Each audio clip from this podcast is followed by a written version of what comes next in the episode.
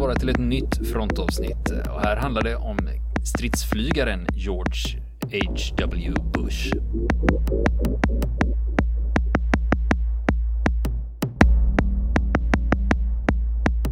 Ja, det är ju så. Vi, jag berättade ju om Lyndon mm. B. Johnson, om hans äventyr i Stilla havet under andra världskriget. Ja.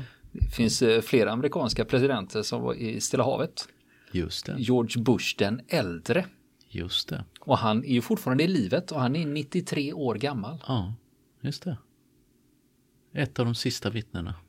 Ja, de börjar ju vara i den åldern nu. Mm. De som var med. Precis. Det finns några kvar. Än så länge. Ja. Men jag menar, Och en tänk- av dem råkar vara en före detta president alltså. Ja, ja, Ja. ja precis. Men, Precis. eh, men jag menar om vi tittar på och jämför. När dog den sista veteranen från första världskriget? Det är inte så. Det är inte så himla länge sedan. hemska- Nej, länge sedan Tiotal heller. år sedan ungefär tror jag. Ja. Något sånt. Men George H.W. Bush, han, Mm. George Herbert Walker Bush senior, då, han var ju, eh, när han var 20 år, då genomförde han ett uppdrag som, som han senare skulle beskriva som en tillnyktrande förståelse för krig och fred. Och det är ingen Mm. tvekan om att det vidgade mina horisonter. Det lät väldigt diplomatiskt. Ja, det kan ju betyda lite Ja. vad som helst. Om vi tar det från början här då. Det här, om vi börjar den 12 juni 1942. Då har Bush senior tagit examen från high school och han går med i flottan som sjöman. Och då är han bara 18 år gammal. Men inom ett år då har han slutfört flottans pilotutbildning och började flyga TBM Avengers. Och vid det tillfället då var han flottans yngsta pilot. Och den 2 september, nu hoppar vi fram lite här. Den 2 september 1944, då var han löjtnant George Bush och han var pilot på VT-51 och det är en torpedskvadron. Och den är baserad på hangarfartyget USS San Jacinto. Och det här är i norra Stilla havet. Just det. Och den här soliga morgonen i september, då vaknar Bush ombord på hangarfartyget San Jacinto och förbereder sig för att flyga eh, en av de 58 attacker som han skulle flyga under kriget. Men det här uppdraget skulle sluta... Var det Avenger han flög då Ja, också? han flög Ja, TBM Avenger. just det, Grumman Avenger, ja, just det, TBM. Just det. Just det. Men det här uppdraget, det skulle sluta lite annorlunda än hans andra Mhm. 57 som han har flugit hittills då. Deras mål den här dagen, det var en japansk radiostation på Chichijima. Och Mm. den här ligger 600 miles, det är alltså 10 mil, 10 svenska mil det. sydväst om Japan i Boninöarna tillhör den.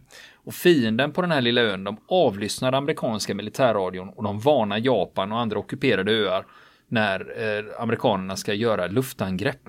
Jaha. Och då ska man, göra, då ska man slå ut den här radiostationen så att man kan överraska istället. Och på morgonen där, innan klockan nio på morgonen, då kliver Bush och två flygare. Dels hans vanliga radioman, han heter eh, John Delaney, och en ersättare, för de, de har en bemanning på tre Mm. i en TBM Avenger. Dels är det piloten, så är det en radioman och så har du en skytt då. Och, men han har inte med sig sin vanliga skytt, utan han har en skytt som heter William White. De kliver in i en Avenger och så startar de från San Jacinto som fartyget heter. Det var tre andra flygplan som också startade och de var också lastade med bomber för det var ett bombanfall det här. Även om man tillhör en torpedskvadron så skulle de utföra ett bombuppdrag nu då. Ja, det är ju känt som torpedplan. Avenger det. Så de ska smälla eh, den här radiostationen. Och det är inte bara de här eh, fyra Avengers som lyfter, med sig har de också ett gäng F6F Hellcats från en annan skvadron som heter VF51. Och nu är det så att det var ju en ersättare eh, som var skytt på Bushs plan. Eh, för eh, han som var den ordinarie, han hette Nadeau i efternamn. Leo W. Nadeau. Han var vapenspecialist och han flög på alla Bushs uppdrag utom två. Och han White som skulle vara med som skytt, han var egentligen underrättelseofficer och han ville komma dit för att kunna observera ön. Och Nadeau, ordinarie skytten alltså, han var 20 år vid den här tiden. Han tillade att dagen innan hade han, Bush och Delaney flugit in i Chichijima och förstört en fientlig po- position. Så de hade varit där eh, dagen innan också. Och luftvärnselden på den ön, det var det värsta vi hade sett, berättar Nadeau efteråt. Och jag tycker att luftvärnselden vid Chichijima var värre än det vi upplevde på Filippinerna. Så det ska ju vara en jämförelse då med eh, hur, man, Ja. hur de upplevde det. Och en före detta VT51-pilot, alltså en kollega till Bush, han säger så här. Chichi var ett riktigt trevligt ställe att flyga in. Som jag kommer ihåg det, de hade dolda skjutpositioner uppe i bergsområdena och för att komma ner till radiostationen var du tvungen att först flyga förbi luftvärnet och det var väldigt riskabelt. Och så fort de börjar närma sig, precis som förväntat, så öppnar luftvärnet eld så snart Bush och hans skvadronskamrater var över ön. Och små svarta rökpuffar stod runt hans plan när han närmade sig målet och han dyker brant, så brant att Bush säger själv att efteråt kändes det som att han stod på huvudet. Men innan han når radiostationen och kan släppa sin bomblast så träffas planet. Och Bush, han säger att han kände det som att planet lyfte av träffen. Men trots det så fortsatte han dyka mot målet och släppte sin bomblast. Och de hade med sig fyra 500 punds bomber. 500 pund är ungefär 250 kilo. De exploderar och orsakar riktiga skador på den här stationen. Och i det här fallet, han blir ju träffad men ändå avbryter han inte uppdraget utan fortsätter. Och för det mordet och att han bortsåg från sin egen säkerhet och istället genomförde attacken, då fick han senare ett Distinguished Flying Cross. För det här. Och, men han var ju träffad, så Bush han manövrerar planet ut över havet och försöker ta sig tillbaka till hangarfartyget. Men planet börjar brinna och snart så är hela cockpiten omgivet av ett stort rökmoln. Och sen höll de också på att kvävas av rök inne i cockpiten. Så Bush och en till ur besättningen, hopp, de är ju tre stycken, Bush och en till, hoppar ut från cirka 500 meters höjd. Medan den tredje besättningsmannen, han blir kvar i planet, han kom aldrig ut. Och de tror att han dödades eller skadades redan när planet träffades den första gången. Och Bush, han landar med en fallskärm i havet, men han är farligt nära stranden. Där japanerna finns då. Och den andra flygaren som hoppar ur planet, han hade inte lika stor tur för hans fallskärm vecklade aldrig ut sig. Utan han störtar rakt ner i havet och dör. Men de vet inte vem som var vem. vem de var ju tre stycken. Bush har ju bevisligen klarat sig. Och en har störtat i havet och en har störtat med flygplanet. och man vet inte vem? vem? det var som Nej. lyckades komma ur. Men Eh, Och Nadeau, den ordinarie skytten, han säger så här också att ingen, nå- ingen visste någonsin vem det var som hoppade ut med Bush. Eh, Nadeau han är, blev senare byggnadsentreprenör i Ramona i Kalifornien. Men när Nadeau ska gissa vem det var som lyckades ta sig ur så säger han att jag antar att det var Delaney. För han var ju radioman och han skulle ut först ur Mm. Innan- planet innan den för att lämna utrymme för skytten. För, för skytten eh, satt i ett torn. Och det här tornet var så trångt så han kunde inte ha fallskärm på sig. Så först måste radiooperatören flytta på sig. Sen kan skytten komma dit, ta på sig sin fallskärm och hoppa ut då. Va? Det låter inte som någon bra prognos även under andra omständigheter. Nej, men, eh, men, han, eh, men han, Nadeau, han berättar om det här. Att det fanns inget rum i tornet för att kanon, eh, där kanonen fanns för att vi skulle kunna ha på oss fallskärmar. Men jag hade gjort så att jag hängde min fallskärm nära Delaney och så hade vi en procedur. Hur vi skulle göra ifall vi blev träffade. Att han ska ge mig min fallskärm så ska vi hoppa. Och när vi väl hade övat på det här, hur vi skulle bete oss i planet, så tog det bara några sekunder. Så de hade en förberedelse, så det var liksom inte helt dödsdömt, Nej. eh, den här mm, placeringen. Utan eh, de hade övat upp det så de skulle komma ut på några sekunder. Nadeau han säger också att han visste inte vad han skulle tänka riktigt när han hörde att eh, planet var nedskjutet. För först kom ju beskedet att planet är nedskjutet. Och men sen säger han att ja, det kändes ju inte bra det här med, jag fick reda på det här med att Delaney och White hade dött. Jag hade bara känslan av att hade jag varit där eh, så då hade kanske jag och Delaney klarat oss båda två. Om inte en av oss hade blivit träffad av luftvärnseld vill säga. För vi hade ju övat evakuering. Så att eh, White som observatör, han hade ju liksom aldrig övat upp det här. Va? Så sannolikheten att han skulle lyckas ta sig ur ett mm. rökfylld cockpit är liksom lika med noll. Va? Precis. Men uh, om jag och Delaney hade varit där så hade vi nog klarat oss då. Just det. Och då börjar jag också tänka så här att varför var det inte jag som var med den dagen? Då kanske vi hade klarat oss alla tre. Skuldkänslorna där ja. Just det. Och sen Bush då, när han senare får kommentera då, hur kommer det sig att han valde att slutföra uppdraget istället för att avbryta det? Eh, Då säger han att "Ja, jag var ju marinflygare, vi var ju disciplinerade att göra det. Att slutföra uppdraget till varje pris, så det var inga konstigheter. Och att vi var utbildade att slutföra våra uppdrag oavsett hinder. Mm. Som han sa. Men nu var det så att Bush hade hoppat fallskärm ner i havet. Mm. Och när han var i vattnet då löste han ut sin uppblåsbara gula livbåt. Kryper i den och paddlar snabbt som fan ut till havs. För han vill ju komma bort från japanerna. Mm. Ja. Men japanerna har sett det här och skickar Ja. ut en båt för att fånga honom. Ja. Men eh, han blir räddad. Inte av en båt utan av en eh, pilotkollega, löjtnant Doug West, kommer med sin Avenger och skjuter på den japanska båten så att den vänder. Jaha. Så att han fick eh, hjälp av Just sin det. kollega där. Och sen var det eh, andra stridsflygplan där som från anfallet som Mm. cirklade runt och då sände de Bushs situation och position. Mm. Inte nödvändigtvis till USS San Jacinto utan till ubåten Finback. Så den patrullerade ungefär 25 kilometer från ön och sa att vi har en flygare här som ligger i spat. Nu får ni Mm. komma och plocka upp honom. Och eh, den som var befälhavare på Finback, den här ubåten, han eh, hette Robert R. Williams Jr. Och han berättar så här att det var 1944 och det fanns mycket få fientliga mål kvar. Mm. Eh, Så den främsta anledningen till att vi var på patrull, det var att vi skulle fungera som livräddare och plocka upp nedskjutna flygare. Mm. Och sen en annan officer på Finback som heter Dean Spratlin. Mm. Eh, han säger att ubåten hade ett område på 200-300 kvadratkilometer som de skulle täcka då och Mm. jobba med att plocka upp flygare. Och då omfattade det öarna Iwo Jima, Chichijima och Hahajima i den här ögruppen. Mm. Just det. Och de fick ju uppdraget då att plocka upp Bush. Ja. Och några timmar efter att ha fått Bushs position, då ser Captain Williams, som var befälhavare, han ser Bush i periskopet 11 kilometer ut från Chichiyama. så, så han, Paddlande antagligen. paddlat.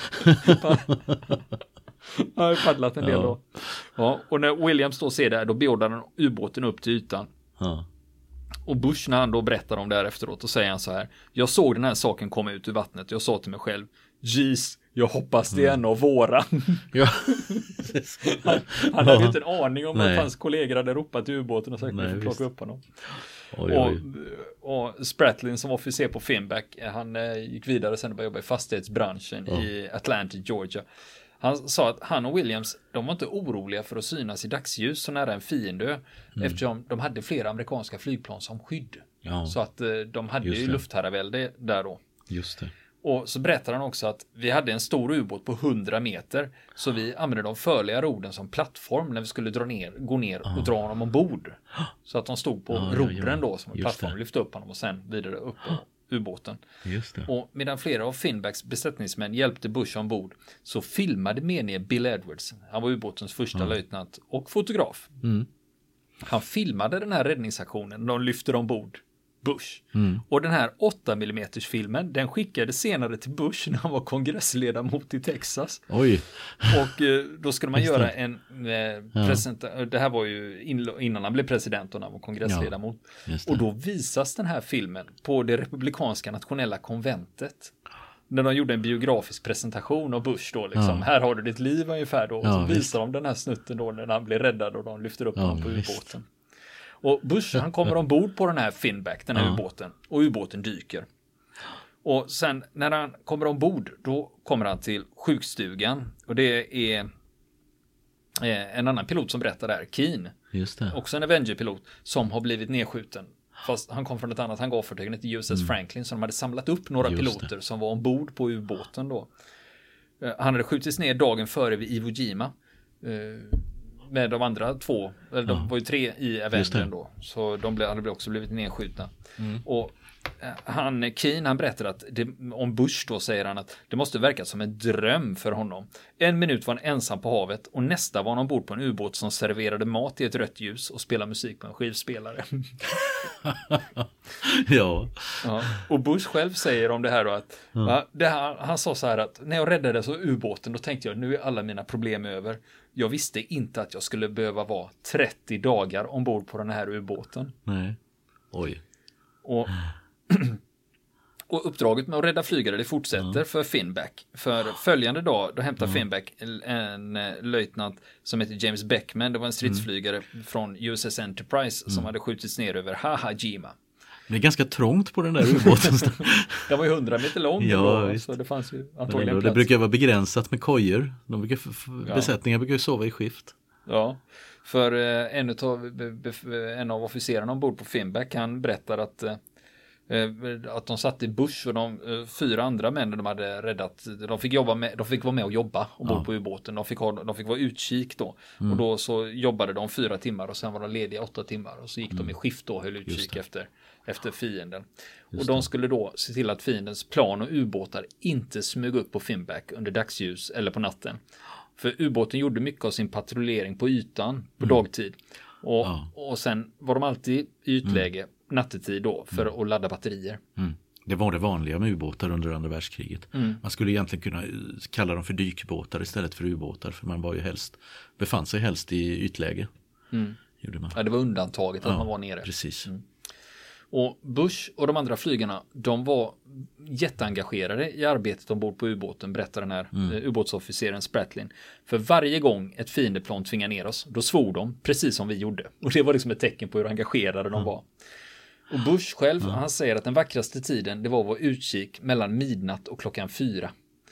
Och jag kommer aldrig att glömma Stilla havet, flygfiskarna och vågorna som bryter över bogen. Har han sagt i efterhand. Och de 30 dagarna ombord på Finback, de var dock inte mm, så här gyllene och vackra.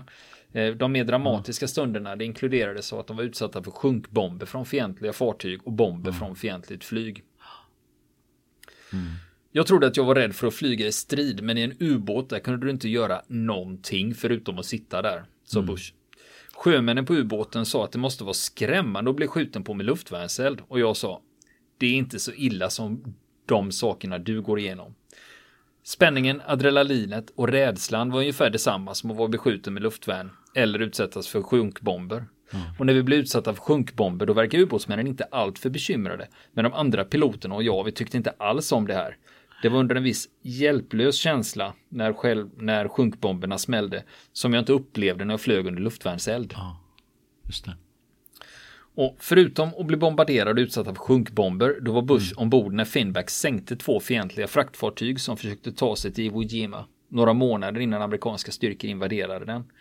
Och vid krigsslutet så hade Finback fått 13 Battle Stars och de hade sänkt totalt 59 383 ton av fientliga fartyg. Och eh, Tom Keen, en av de här piloterna, han säger så här eh, efteråt att eh, det var uppenbart för mig att Bush skulle bli en mycket framgångsrik kille i vad han än bestämde sig för att göra. Han sa alltid något för att vi skulle skratta och han höll uppe moralen. Och Bush var ju ombord där en månad. Eh, och då släpps eh, passagerarna av eh, på Midway. Och därifrån så fick flygarna då ta sig till Hawaii. Och Keen, han den andra piloten som Ja, var ombord på ubåten, han berättade att vi skulle stanna på Hawaii på två veckors permission. Men Bush var orolig över vad som har hänt med sina besättningsmän och han ville återvända till hangarfartyget San Jacinto. Så vi åkte i en DC-3 och hamnade i Guam. Och vi stannade där några dagar tills vi hittade var våra fartyg var någonstans.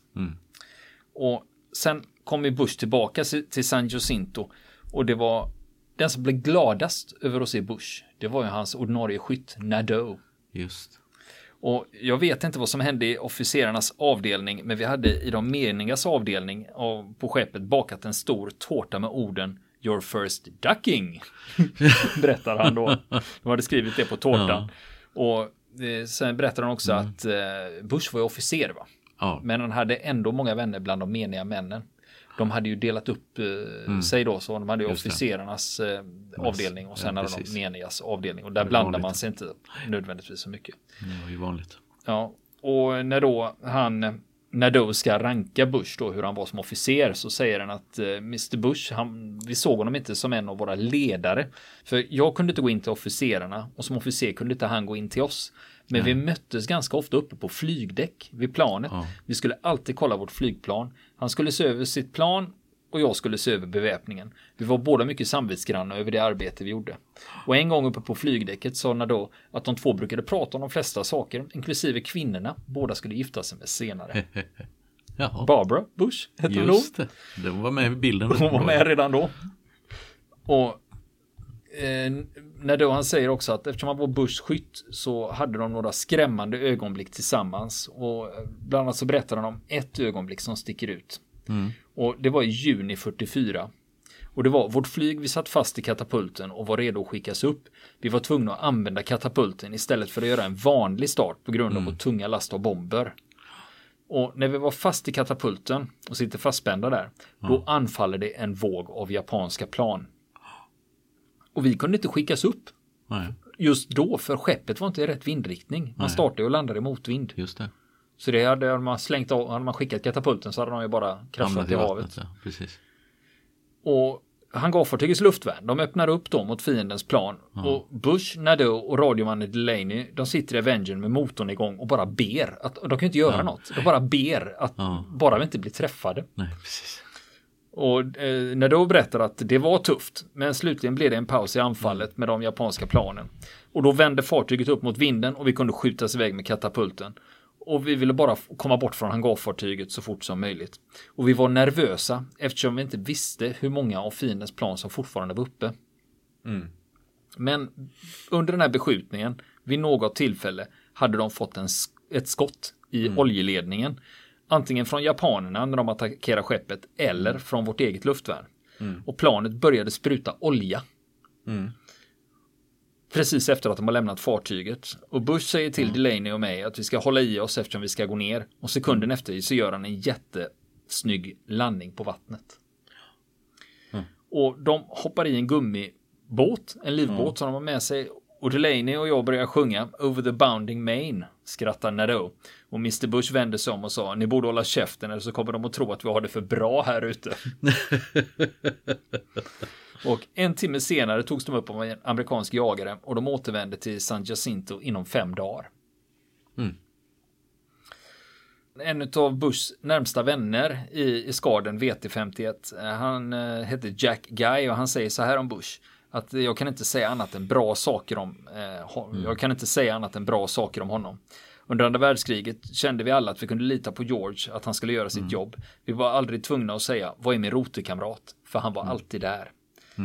Och eh, Guy, han bodde, eh, bodde sen i Atlanta, Georgia. Och han sa det att just den här eskaden VT51, det var en jätteliten, jättetajt grupp då. VT51 då, den här eskaden, deras befälhavare hette Legar Hole. Han säger så här om Bush, att Bush var en utomordentligt bra pilot. Han var en smart kar som hade huvudet på skaft. Och han fortsätter berätta att ett hangarfartyg av San Jacintos storlek kunde bara rymma nio stycken Avengers för VT51 och så hade vi 24 Hellcats för VF51. Och utav eskadens ursprungliga 16 piloter så var hälften döda. Och det mesta av vårt arbete var att stödja marktruppen under landstigningarna.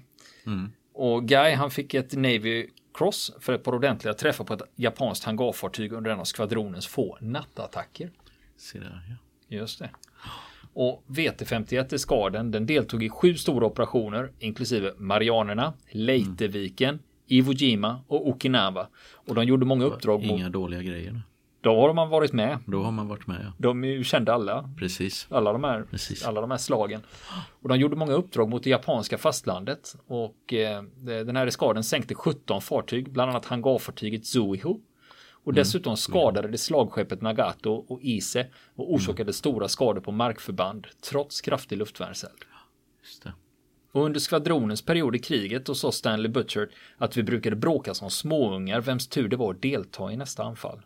Så det fanns ändå ett... eh, Och sen andra där, ja. och han Guy, han chefen, han har sagt det att jag tror inte att någon av oss var riktigt rädd just då. Vi var ivriga att strida. Vi var helt sålda på idén att Japan och Tyskland var vår fiende och vi kunde inte vänta med att flyga och göra våran plikt. Så det fanns en entusiasm kring det här då. Just det. Och Bush själv han säger så här att eh, orsaken var tydlig och det fanns en bra känsla av gemenskap och kamratskap. Och det var en gang ho känsla när det gällde stridsuppdragen. Men jag måste bekänna att det fanns rädsla ändå. Bush lämnar ju eh, flottan 1945 och fick eh, tre air medals. Och han säger så här att det är ingen tvekan om att ha deltagit i strid har påverkat mitt sätt att betrakta problem. Den övergripande erfarenheten är att jag aldrig mognat så mycket någon gång i hela mitt liv. Nu ser jag tillbaka och tänker på de dramatiska tre åren i marinen. Det skapade mitt liv, vänskapen, det gemensamma ändamålet och min första erfarenhet av att se vänner dö. Och efter att ha lämnat flottan, då var Bush i kontakt med flera vänner från eskaden VT51. Det var 40 år eh, dagen efter att han hade skjutits ner. Då är det 1984. Mm. Och då var det den 2 september. Mm. Då hade han ett möte med åtta av sina gamla skvadronkamrater Mm. i, i Norfolk, Virginia. Mm. Marinbasen. Just det. Och en av dem som var med Där har där. jag varit. Ja, mm, det var bra. Var Bush där? Var det 84? Nej. Nej. Ja. En av dem som var med där, han heter Louis Grab. Han säger så här att 40-årsdagen var fantastisk. Han var i den här Grab, han var jättegod vän med Bush under kriget. Han berättar också att vi hade förlorat kontakten med varandra genom åren, men efter att vi träffats i Norfolk har vi bytt fotografi med varandra och håller kontakten igen. Och en annan som var där, som heter Butchert, han säger att eh, han hade hoppats att det skulle funnits lite tid över i Bushs karriär så vi skulle kunna träffas. Och han Butchert, han jobbade 25 år som testpilot för NASA. Mm. Och det här 1984, då säger han så här också att jag hade svårt att tänka på Bush som vicepresident. Jag ju bara gick upp och sa hej George. Och dagen efter så skickade han mig ett litet meddelande. Det stod att återföreningen var en av höjdpunkterna i hans karriär. Han har tydligen uppskattat Ja. den å- återföreningen. Och under den här återföreningen, då sätter Bush på sig en läderflygarjacka och klättrar in i en restaurerad Avenger som hade skickats till Norfolk speciellt för det här Nej, evenemanget. och när, när de frågar, han fick en fråga då, vad tyckte de om Avengern då? Och då säger han det att Avenger, det var ett bra och stabilt flygplan. Och det var det enklaste planet att landa ombord på hangarfartyget och det var pålitligt och säkert. Och Bush, han borde ju veta, han har gjort 126 landningar på hangarfartyg och han har 1228 flygtimmar. Men så, han sa också då 1984 att han har faktiskt flugit lite civilt också sen han lämnade flottan. Ja. Och eh, just när han var vicepresident då också, Ja, det. det. var ju under den här perioden, då, då säger han så här att som tidigare pilot i flottan är jag glad att ha piloter från flygvapnet som numera flyger runt med Air Force 2. det är ju så att Air Force 1 det är ju presidenten, Air Just Force 2 det är vicepresidenten. Det. Och han säger så här också, piloterna på Air Force 2, de är fantastiska. Även om deras pilotvingar inte är av guld. Det är ju så att Mm, flottans pilotvingar, de är av guld. Men Just tillhör det. det amerikanska flygvapnet eller Army Ja, Air Corps, Army Air Force, då är de av silver. Det. Så det gjorde han lite skillnad på. Ja. Om man tittar på medaljerna, då fick eh, Bush eh, ett Distinguished Flying Cross och tre stycken Air Medals. Mm. Och han fyllde 93 år förra veckan, 12 Mm. juni. ja. Där ser man. Där ser man. Vill ni komma i kontakt med oss så kan ni göra det via vår Facebook-sida som heter Fronten. Det är inga problem för er att leta er fram där. Eller också så mejlar ni på vår mejladress och det är frontenpodcast@gmail.com.